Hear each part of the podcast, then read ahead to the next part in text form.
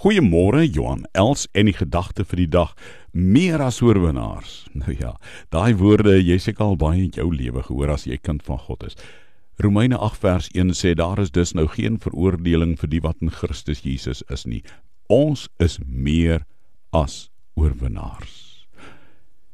Weet ek dink baie keer daaraan. Ek dink ons as kinders van die Here in Suid-Afrika leef te gemaklik as kinders van die Here in ons mooi land. Ons almal.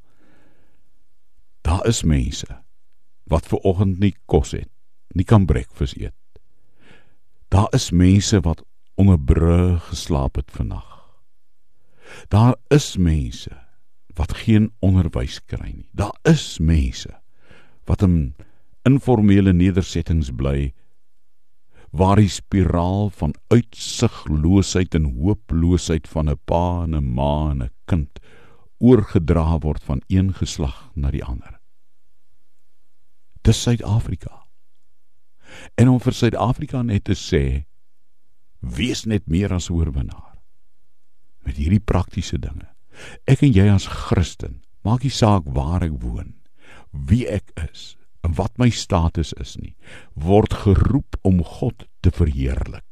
En iewers iewers moet ons vandag geloofshoop en geloofsvertroue gaan uitleef en perspektief gaan gee aan mense wat hulle hoop verloor.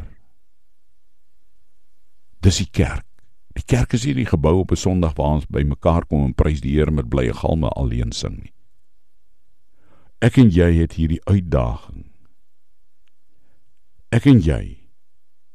Ek en jy moet soos Paulus tussen daai klomp Italiaanse Christene in Rome vir wie hy skryf in die brief aan Romeine gaan sê waar hulle teen die kraanse afgegooi word vir hulle geloof, waar hulle teer gesmeer word en gebrand word as fakkels by die keiser se bankette, waar hulle in die Kolosseum vir die leeu's gegooi word vir hulle, sê Paulus. Ons is meer as oorwinnaars kom ek en jy vat die uitdaging om te midde en selfs in die aangesig van doodsdreigement situasies vir mense vandag oorwinnaarskap te gaan uitleef op 'n manier dat dit wys na Christus Jesus se oorwinning